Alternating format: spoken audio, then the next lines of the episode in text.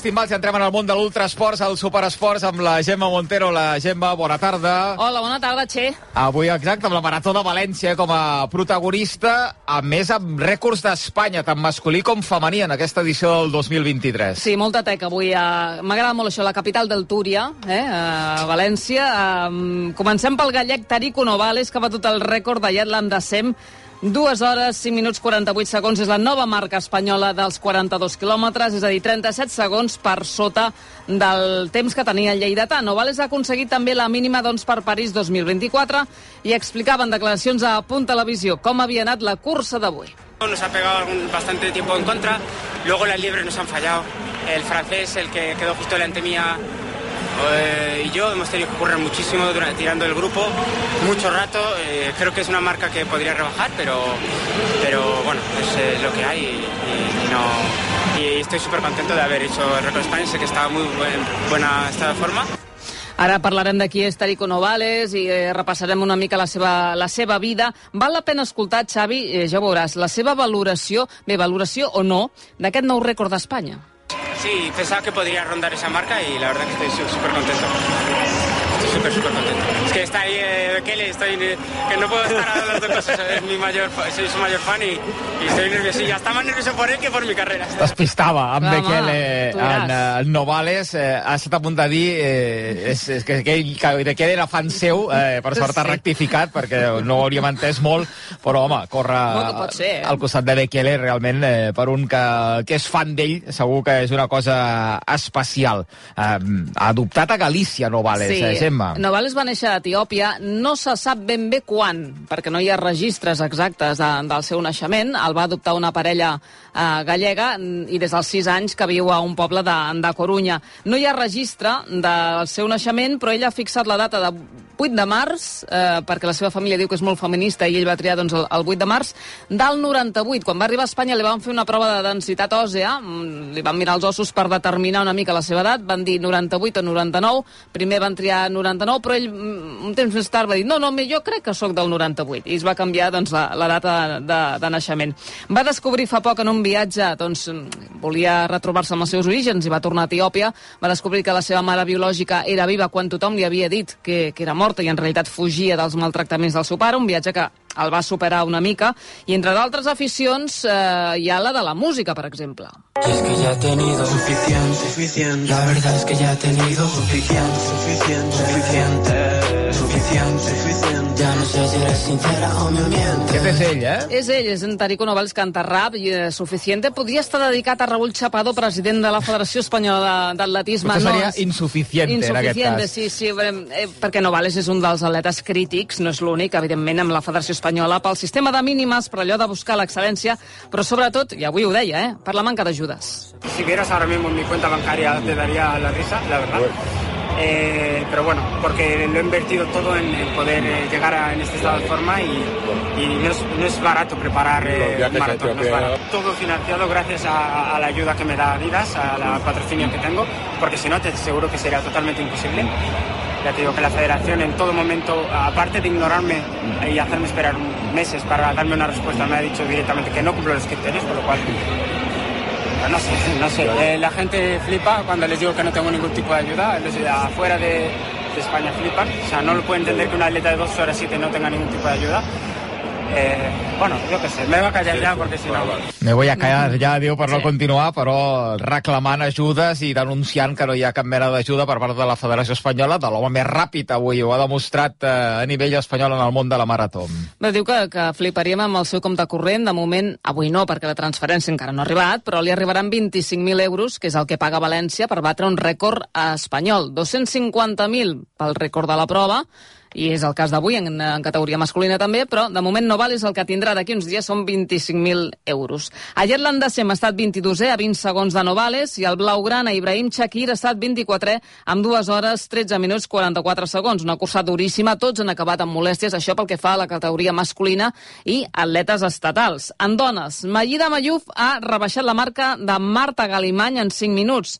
Ara la nova marca, aquest nou rècord femení de marató espanyol, és de 2 hores 21 minuts i 28 segons. Mayuf és marroquina de naixement. Té una marca, de fet, encara millor, de 20 segons menys, però amb la seva anterior nacionalitat, la marroquina. Mayuf es va nacionalitzar el juny eh, del 2023, és a dir, fa molt poquet, i tenia 2 hores 21 eh, minuts, un segon com a marroquí, i així parlava la meta. Yo solo vi a la gente animando y digo, pues hay que apretar, hay que apretar. Eh, no he podido hacer marca personal, pero por muy poquito, pero muy contenta por el récord. Y eso para mí, vamos, eh, llevo bastantes años trabajándolo y hoy ha merecido la pena salir y, y pelear por ello. Bé, podríem dir que dos catalans han perdut no? el rècord d'Espanya avui als carrers de València, Ayet Landacem i Marta Galimany. Eh, han passat a mans d'un gallec, que és el Tarico, i una marroquina que té, com dèiem, la nacionalitat espanyola és de fa sis mesos i que viu al País Basc. Ara tu li notaves una mica d'accent, eh? De, opa, eh, què passa aquí? Doncs té la carta de naturaleza, que és això que fa el govern espanyol. Eh, en alguns casos excepcionals, eh, és el cas dels esportistes, per exemple, de eh, donar, atorgar la nacionalitat espanyola eh, sense haver de passar els tràmits burocràtics que hauria de passar una persona normal, entre cometes. L'organització ha defensat la, la participació de Mayuf avui, malgrat que eh, fa poc, en Relevo, va destapar que havia sortit indemne d'un cas de dopatge per terbolina, una substància prohibida que ajuda, entre altres coses, a, a, a, a respirar, a, a evitar les sibilàncies, les bronquitis. Mayuf, de fet, no va participar a la roda de premsa prèvia a aquesta marató de València, per tant, no se li va poder preguntar res, i qui li ha pogut preguntar només ha obtingut silenci. Ella va donar positiu a una competició alemanya el 2020, però van passar set mesos des del positiu fins que es va resoldre si s'havia de fer càrrec de la gestió l'agència espanyola, perquè ella encara no era espanyola però s'entrenava, vivia i treballava a Espanya, o la internacional. És a dir, un mes més del temps que diu l'agència mundial. Ella tenia permís, a més a més, per prendre la substància, però no va presentar els documents a temps. Per tant, tot ha quedat desdibuixat, no hi ha una sanció, però sí que hi ha aquest positiu a l'aire ella pot, eh, legalment pot competir, això està clar, eh? Però hi haurà queixes i discussions sobre això els pròxims dies. De fet, la xarxa ja n'hi ha per aquest positiu i per aquesta nacionalitat que alguns diuen que és comprada, també, d'alguna manera, entre cometes, o eh, altres diran que guanyada, perquè fa molts anys, 12, que viu a Espanya, no? Però és, és aquesta eh, aquesta polèmica que sempre rodeja aquest tipus d'atletes. Sí, és una nacionalització igual però diferent, ara estava pensant en la de Lorenzo Brown, per exemple, jugador mm -hmm. de la selecció espanyola de, de bàsquet, però en el cas de Lorenzo Brown sense cap mena de relació amb, eh, amb Espanya. En el cas de Mayuf eh, sí que des de fa sí. un grapat d'anys eh, viu a territori espanyol, en aquest cas viu al País Basc, eh, i vaja, i la sentíem eh, parlar mm. amb, un, amb un eh, castellà magnífic i amb aquest accent eh, basc, vull dir que en aquesta diferència, en el cas de Lorenzo Brown, o ara fa poc de, de Gustafsson, de la pivot eh, espanyola, a partir de fa pocs mesos, que també forma part ara o formarà part de la selecció espanyola de, de bàsquet. Anem a més coses que han passat avui a València, mínimes per als Jocs Olímpics de París, Gemma? Sí, unes quantes, perquè, per exemple, eh, Tariq Novales, amb aquest 2.05, eh, aconsegueix la mínima per París, que en homes la Federació Espanyola demana 2.08.10, 2 hores 8 minuts 10 segons, doncs en Tarico ja la té. També hi ha Gorrojo, que ha fet 2.07.47, no encara Dani Mateo, que s'ha quedat avui en 2 hores 10 minuts. Això no vol dir que no la pugui aconseguir. I a la Marató de Sevilla, per exemple, el mes de febrer, encara no ha estat tot eh, dat i beneït. I en dones, la mínima que es marca són 2 hores 26 minuts 50 segons, per tant, l'ha aconseguit Magida Mayuf, Fàtima Ouadou, també Laura Luengo, Irene Pelayo i Maria José Pérez. Eh, la sisena espanyola avui ha estat la Marta Galimany, que no ha tingut la millor de les seves maratons. Ella ja tenia la mínima, avui ha fet la cursa en 2 hores 28 minuts i 16 segons, i menció especial eh, maratons eh, olímpiques a banda per Reyes Esteve, en parlàvem la setmana passada, arreu, eh? a la Jean Boen, que va ser tercer als 10K, doncs avui rècord d'Espanya en Màsters 45. Als 47 anys, Reyes Esteve ha fet la Marató de València en 2 hores 18 minuts, 18 minuts i 17 segons. Bueno, quina, quin animal. Com Reyes ens agrada, per Estevez. això, eh? home, i que continuï, eh? I que continuï fins que s'encansi. Quan s'encansi també li donarem permís, evidentment, per deixar de fer maratons. A tot això, a la prova masculina s'ha batut el rècord de la prova avui també a València. Sí, fixa't que l'any passat es van batre els dos rècords, el masculí i el femení. El masculí, Kelvin Kiptum, que recordem que té el rècord mundial ara mateix de marató, eh, el va fer en 2 hores 1 minut 53 segons, i a Mane Berizzo també en dones amb 2 hores 14 minuts 58 segons. Enguany, Sisai Lema ha batut el rècord masculí de la prova, l'ha rebaixat en 5 segons, Warneix de Gueixa, que ha estat la guanyadora, no l'ha rebaixat. Expliquem la història del guanyador avui a València, de Sisai Lemma. Doncs és un corredor etíop de 32 anys, corria descalç eh, quan era jove, fins als 17-18 anys, quan va començar. Ara, clar, ara ho fa amb les Adidas Evo aquestes de 500 euros, eh? Res, eh, res comparable. Va ser tercer a Berlín l'any 2019, i també a la Marató de Tòquio, i tercer també a Londres 2020, i avui ha estat el més ràpid sobre l'asfalt de València. No hi ha hagut rècord del món, com dèiem, per bé que ho ha intentat, però sí que amb aquestes dues hores, un minut 48 segons, eh, ha establert aquest nou rècord de la prova, s'embutxaca 250.000 euros i per 7 segons no ha batut el rècord nacional d'Etiòpia. És la sisena millor marca en marató de la història, per tant, entra en un merescudíssim top 10. Li he demanat a Déu. Avui estic molt content. És la meva primera vegada a València i estic feliç de guanyar i de batre el rècord de la prova. He batut la meva marca personal. També he intentat fer el rècord de la prova des del començament. Ho he intentat i també ho he aconseguit.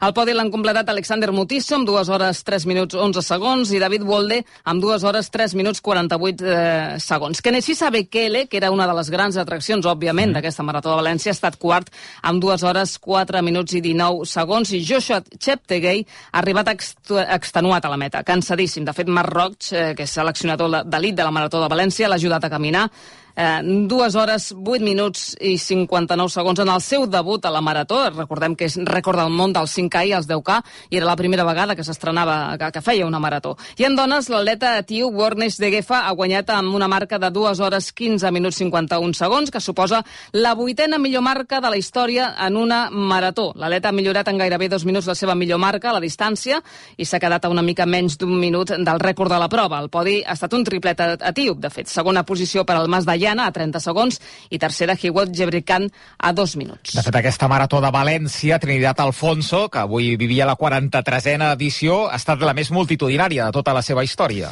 Amb un rècord de 33.000 persones inscrites i fixa't que d'aquestes 33.000, 7.000 són debutants a la distància. És a dir, 7.000 persones han decidit fer una marató per primera vegada a la seva vida i han dit que havia de ser a València. I 13.500 l'han fet per primera vegada en aquest circuit. La majoria de corredors són estrangers. Això també passa a, a Barcelona. Eh? Són maratons turístiques. El 57% dels corredors provenen de fora d'Espanya. A França, també passa a Barcelona això, eh, és el primer país eh, eh, importador de corredors amb més de 4.000, el Regne Unit és el segon amb més de 2.000, Itàlia tercera també amb més de 2.000 i altres països, Irlanda, Estats Units, Mèxic, Països Baixos. Per tant, la Secretaria de Turisme de València diu que la Marató, aquesta Marató de València, ha generat prop de 27 milions d'euros de despesa turística a la ciutat i rodalia. S'estima que cada corredor estranger gasta una mitjana de 137 euros per dia a la ciutat. És a dir, un èxit, novament, i els mitjans valencians ja parlen de la setena major del món. Hi ha sis majors en el circuit mundial, parlant doncs, que València podria ser la setena. És una marató atractivíssima i ara encara més perquè Juan Roig, avui, que és el president de la Fundació Trinitat Alfons, ha anunciat que pagaran entre ell i Paco Borao, director de la prova, un milió d'euros, atenció, a qui faci el rècord del món a València. Qui ho aconsegueixi rebrà un milió d'euros. Mira, doncs podem Poca saludar en Paco Borau, el director de la Marató de València, president de l'SD Corre Caminos, president de l'any de l'Associació de Maratons Internacionals i Curses de Distància. Hola, Paco, bona tarda. Què tal? Buenas tardes. Començo per aquí, per on, eh, pel que explicava la Gemma. Això va de debò. Eh, un milió d'euros per qui aconsegueix el rècord del món a la Marató de València? Efectivamente, eso es lo que ha anunciado nuestro máximo eh, sponsor, eh, presidente de la Fundación Trinidad Alfonso, Juan Roch, eh, esta tarde en frente a todos los medios. Eh, de alguna manera ya veníamos barruntando en algunas conversaciones y sí, y sí, estas cosas que uno piensa que son, como ya yo, así charlas de... De, de, de, de, de sobremesa, ¿no? De sobremesa. De... Exactamente.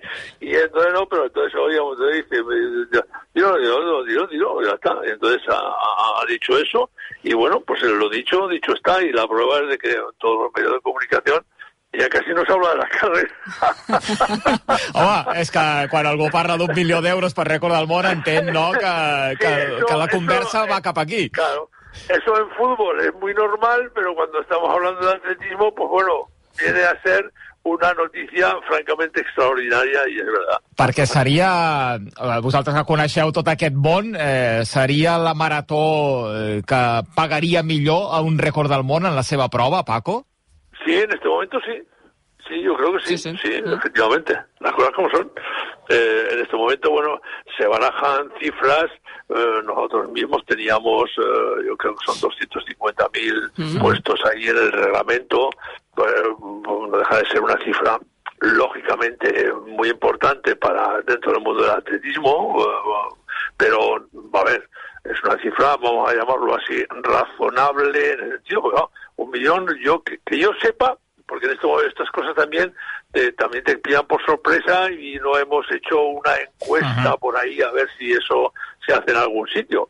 Pero vosotros sabéis que la primera piedra suele ser algo que se coloca en, en base de hacer camino y de, y de digamos, eh, generar monumentos, como digo yo. Entonces, bueno, pues, pues veremos a ver qué es lo que el futuro nos depara però la, lo dicho, dicho está, és ahí, està clar. Bueno, doncs, eh, doncs eh, aquí queda. No sé si algun país eh, islàmic, doncs ara també, eh, que tenen tants quartos, Paco, potser us copiaria la idea, però el que li donarà no, molta no, feina... No, vamos a ver, te, te digo, yo estoy seguro, seguro eh, que, que va a haber varios que van a copiar la idea. Mm. Bueno, sí. seguro, me apostaría lo que fuera. Ja pot ser, ja pot ser, sí, sí. Però el que és segur és que Marc Roig ara tindrà moltíssima feina, no?, per seleccionar els millors claro, claro, que puguin batre claro, aquest, aquest rècord. Claro, claro, ahí, ahí estamos. Eh, es decir, eh, vosotros sabéis que en deporte, y esa es una de las, eh, yo diría, de las grandes cosas del deporte, es que no hay nada escrito y no hay nada 100% seguro. Eh, las sorpresas eh, están en cualquier modalidad, en cualquier deporte, y bueno, y en el nuestro, pues, por ejemplo, hoy ha pasado así. Hoy el muchacho, este Sisai, uh, Lema Sisai, uh -huh. no estaba, a ver, estaba como uno de los, uh, vamos a llamarlo, llevaba el dorsal número 6, de los seis primeros, pero no, a ver, francamente, no esperábamos un récord de la prueba, uh, porque el año pasado ya se puso muy difícil, 2.153 fue un salto, yo diría, muy grande de un 2.300 que teníamos, y entonces, bueno, pues eh, ha surgido hoy e inclusive eh, ha habido tiempos en un, pa un paquete grande de mejores tiempos, pero hay que decir las cosas como son, por mucho que digan que sí, que tenemos una buena organización, que sí, que trabajamos bien, que sí, que somos, eh, digamos, eh, atentos, eh, todo lo que queréis como calificativos. Pero es que hoy he hecho un día en Valencia Estupendo. para realmente espectacular. 7 grados en la salida. Nada, nada, nada, nada de viento. Seco, solecito, eh, el circuito plano. Això, això perdona, Paco, on, on ho havies contractat, això, aquest temps avui a la sortida de València? Això on es compra? No, no, no. Vosotros, vosotros uh, me, me habréis oído muchas veces que a mí me gusta bromear con esto, ya inclusive en casa me dicen, Paco, no bromees más con eso, porque si no, parece que, que, que, estás tomando el pelo a la gente. Digo, pero es que desde hace 10 o 12 años la meteorología nos ha respetado como no os imagináis. Aquí, el viernes, hacía una ventolera que no, que no se aguantaba ni un paraguas, ni se aguantaba nada, nada. Era, era una ventolera.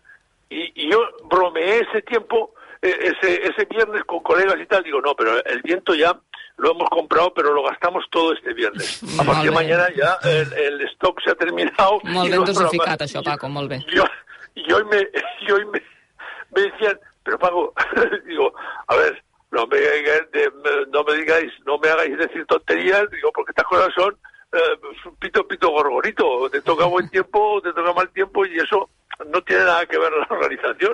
Y... Es, es lo que hay, pero efectivamente. I... ha hecho un dia espectacular. I escolta'm, uh, Paco, ja, ja posats a, a, a buscar aquest rècord del món, recordem dues hores i 35 segons que té Kelvin Kiptum, que ja va guanyar València l'any passat. Tu uh, tens algun favorit? Perquè tens a Kipchoge a l'agenda, ell mateix ho ha dit, que vol anar, vol ser a València algun, alguna vegada. Kiptum, Kipchoge, qui t'agradaria que fos? No, a ver, yo en estos momentos pienso que Kiptum está en mejores condiciones de optar a ese, vamos a poner, sub dos horas que Kipchoge.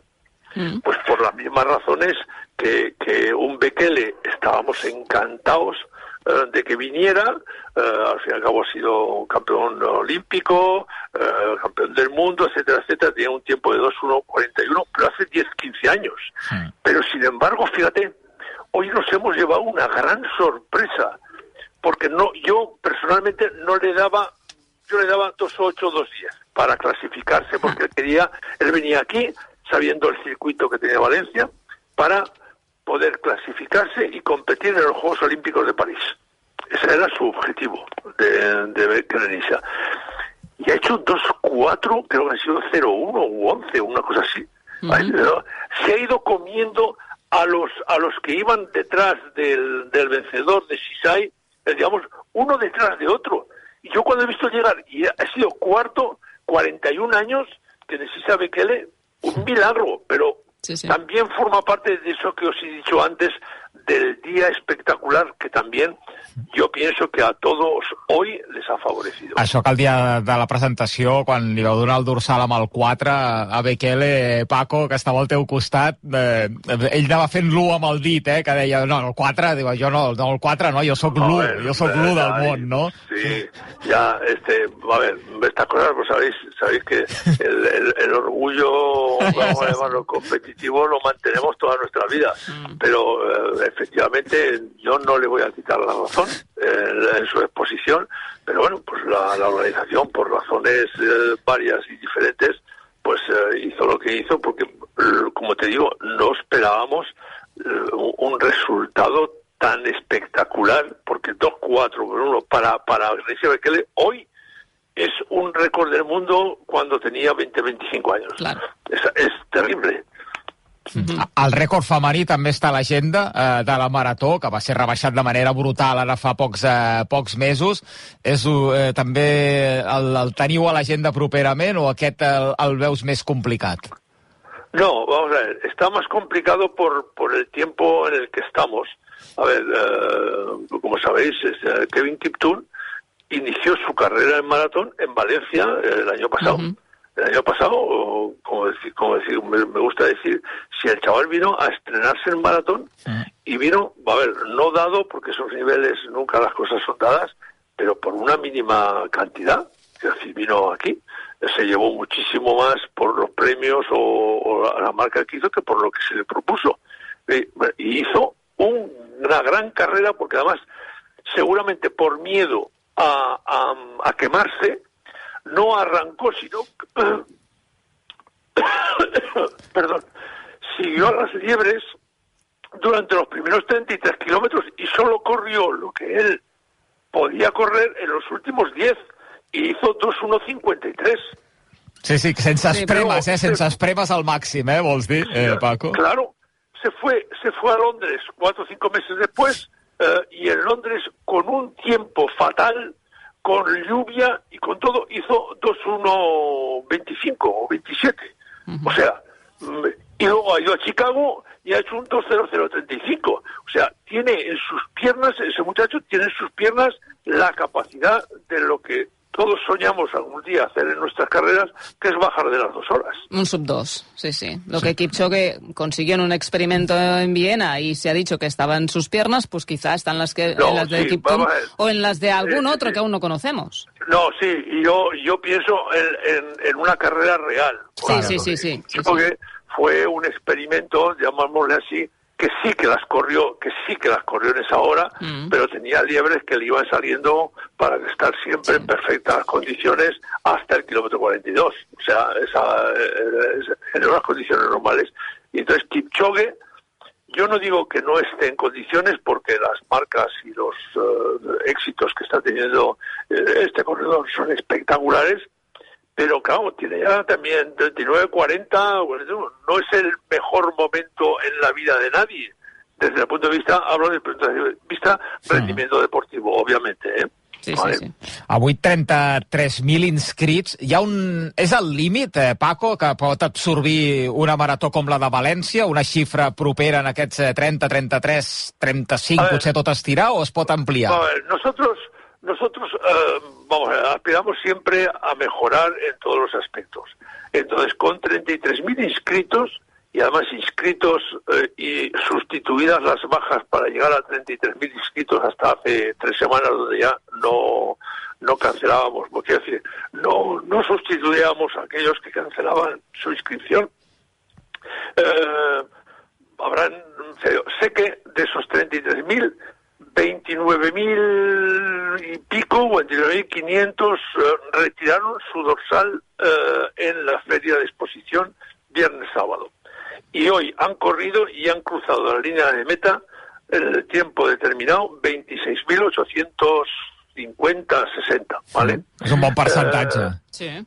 entonces, con esas cifras vamos a analizar si a lo mejor pues nos podemos permitir pues Claro. mil, dos mil más o una cosa así, pero vamos a tener que ser muy prudentes porque como sabéis muy bien, eh, en estas cosas cualquier cosa puede destruir, eh, destrozar una carrera y eso yo sé que, a ver, eh, la, la aparición, el milagro, por llamarlo de alguna manera, de Valencia, eh, hay mucha gente que, bueno, sospecha, esto es como posible que una ciudad de menos de un millón de habitantes pues esté ahí eh, en esas eh, situaciones. Cuando vienen lo entienden, porque cuando vienen ven una ciudad total y absolutamente plana, porque aquí no hay, no hay, aquí el que quiera entrenar con cuestas, pues tiene que irse a otro lado. Aquí es, es por- entrenar con cuestas, el clima también lo permite, pero claro, lo que no podemos tampoco es arriesgar a que a un momento determinado en alguna curva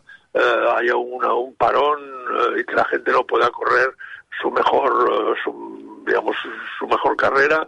Eh, y entonces tenemos que ser, pues bueno, prudentes, aunque las aspiraciones, sabéis que siempre está la, la, la, la ambición y la prudencia en esa batalla para llegar a un término medio que, pueda, de alguna manera, mm, ser aceptado por ambas partes. Mm. Una ciutat que ha apostat per l'atletisme, per aquesta marató, amb la família Roig eh, al darrere, amb tu, amb Juan Botella, eh, organitzant tot plegat, eh, els correcaminos. Mm, Paco, com un jove de Saragossa que migra a França, juga al futbol, acaba construint una marató de grans dimensions a València? Bueno, poquito a poquito. es decir, a Sin correr, ¿no? eh, todo, todo lo que has dicho es verdad.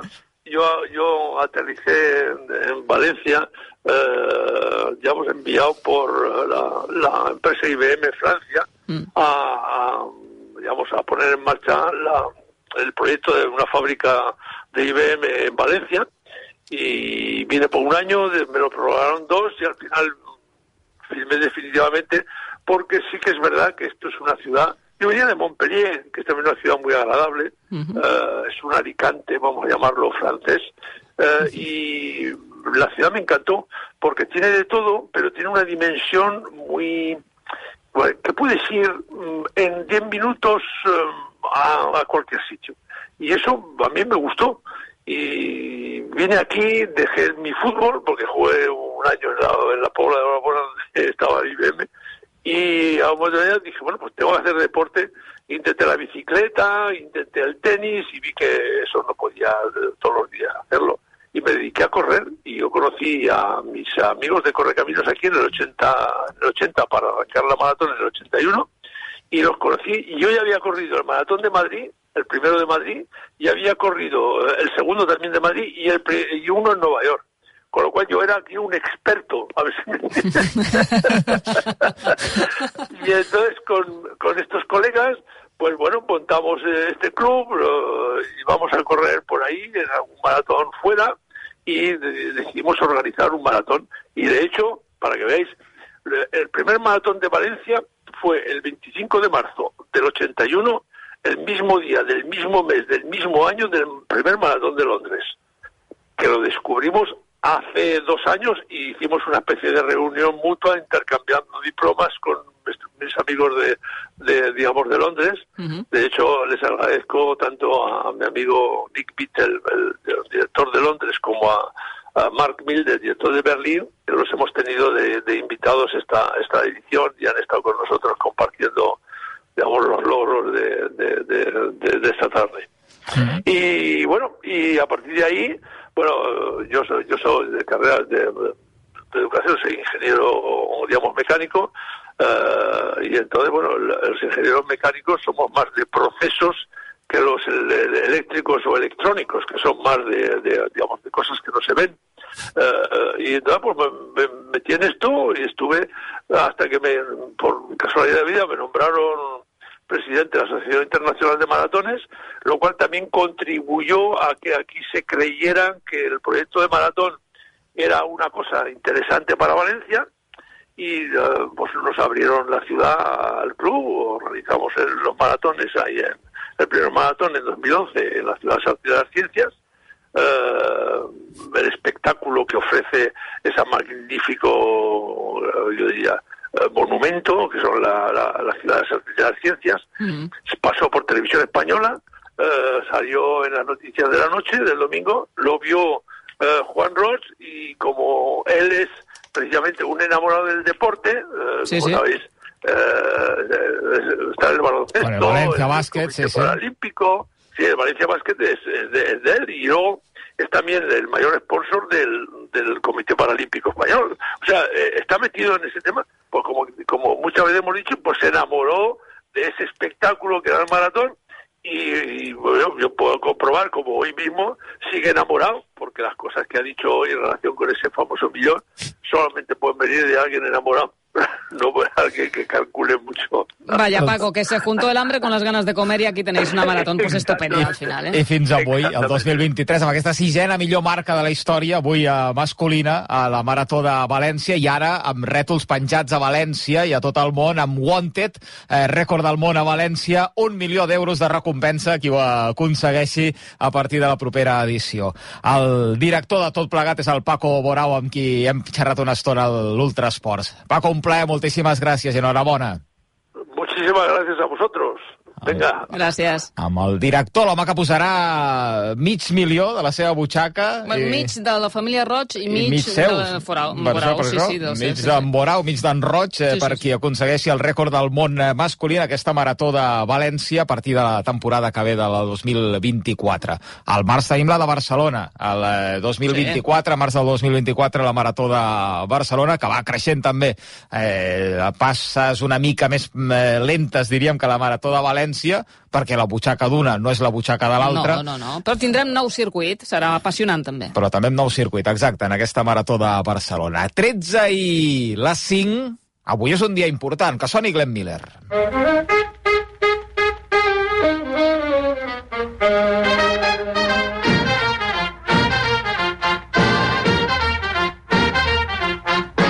Avui fa anys amb Pocorull, Gemma. Sí, senyor. 85 anys, moltes felicitats al mestre.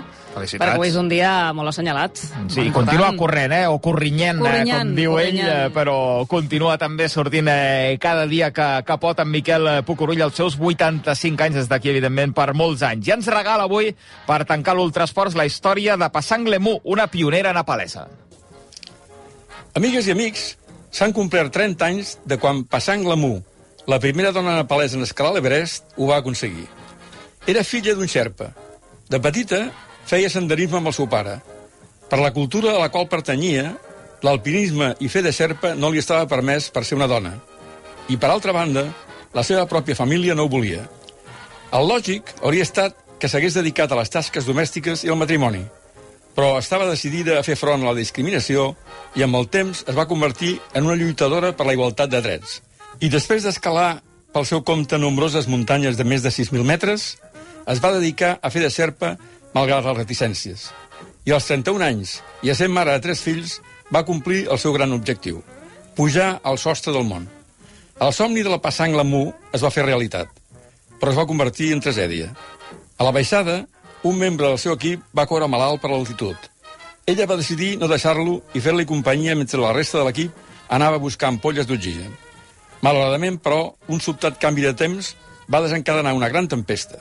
Una llau els va impedir tornar al camp base i tots dos van perdre la vida. Quan preparava la pujada, l'heroïna li va revelar al seu germà «Si jo puc escalar l'Everest, si puc assolir la quimera, les dones joves del nostre país també podran fer-ho. Fins al cap de setmana que ve, correu ho cornyeu molt. És història interessant, com sempre, aquesta de Passang eh, Lemu, que ens ha explicat avui en Miquel Pucurull, a qui tornem a felicitar, que avui fort les espelmes, 85 espelmes ja en Miquel Pucurull. La setmana que ve, Gemma, més a l'Ultrasports. Gràcies. Més, I començo a entrenar-me ja per si cau el rècord, no? Sí. Començo a córrer, vaig Home, a fer unes sí, sí, sèries... home, eh? Oh, per un oh, milió... Mai no és tard, que diu un Puco, eh? No, Mai no, no, no. Vinga. Si tu veus capaç, bé. endavant.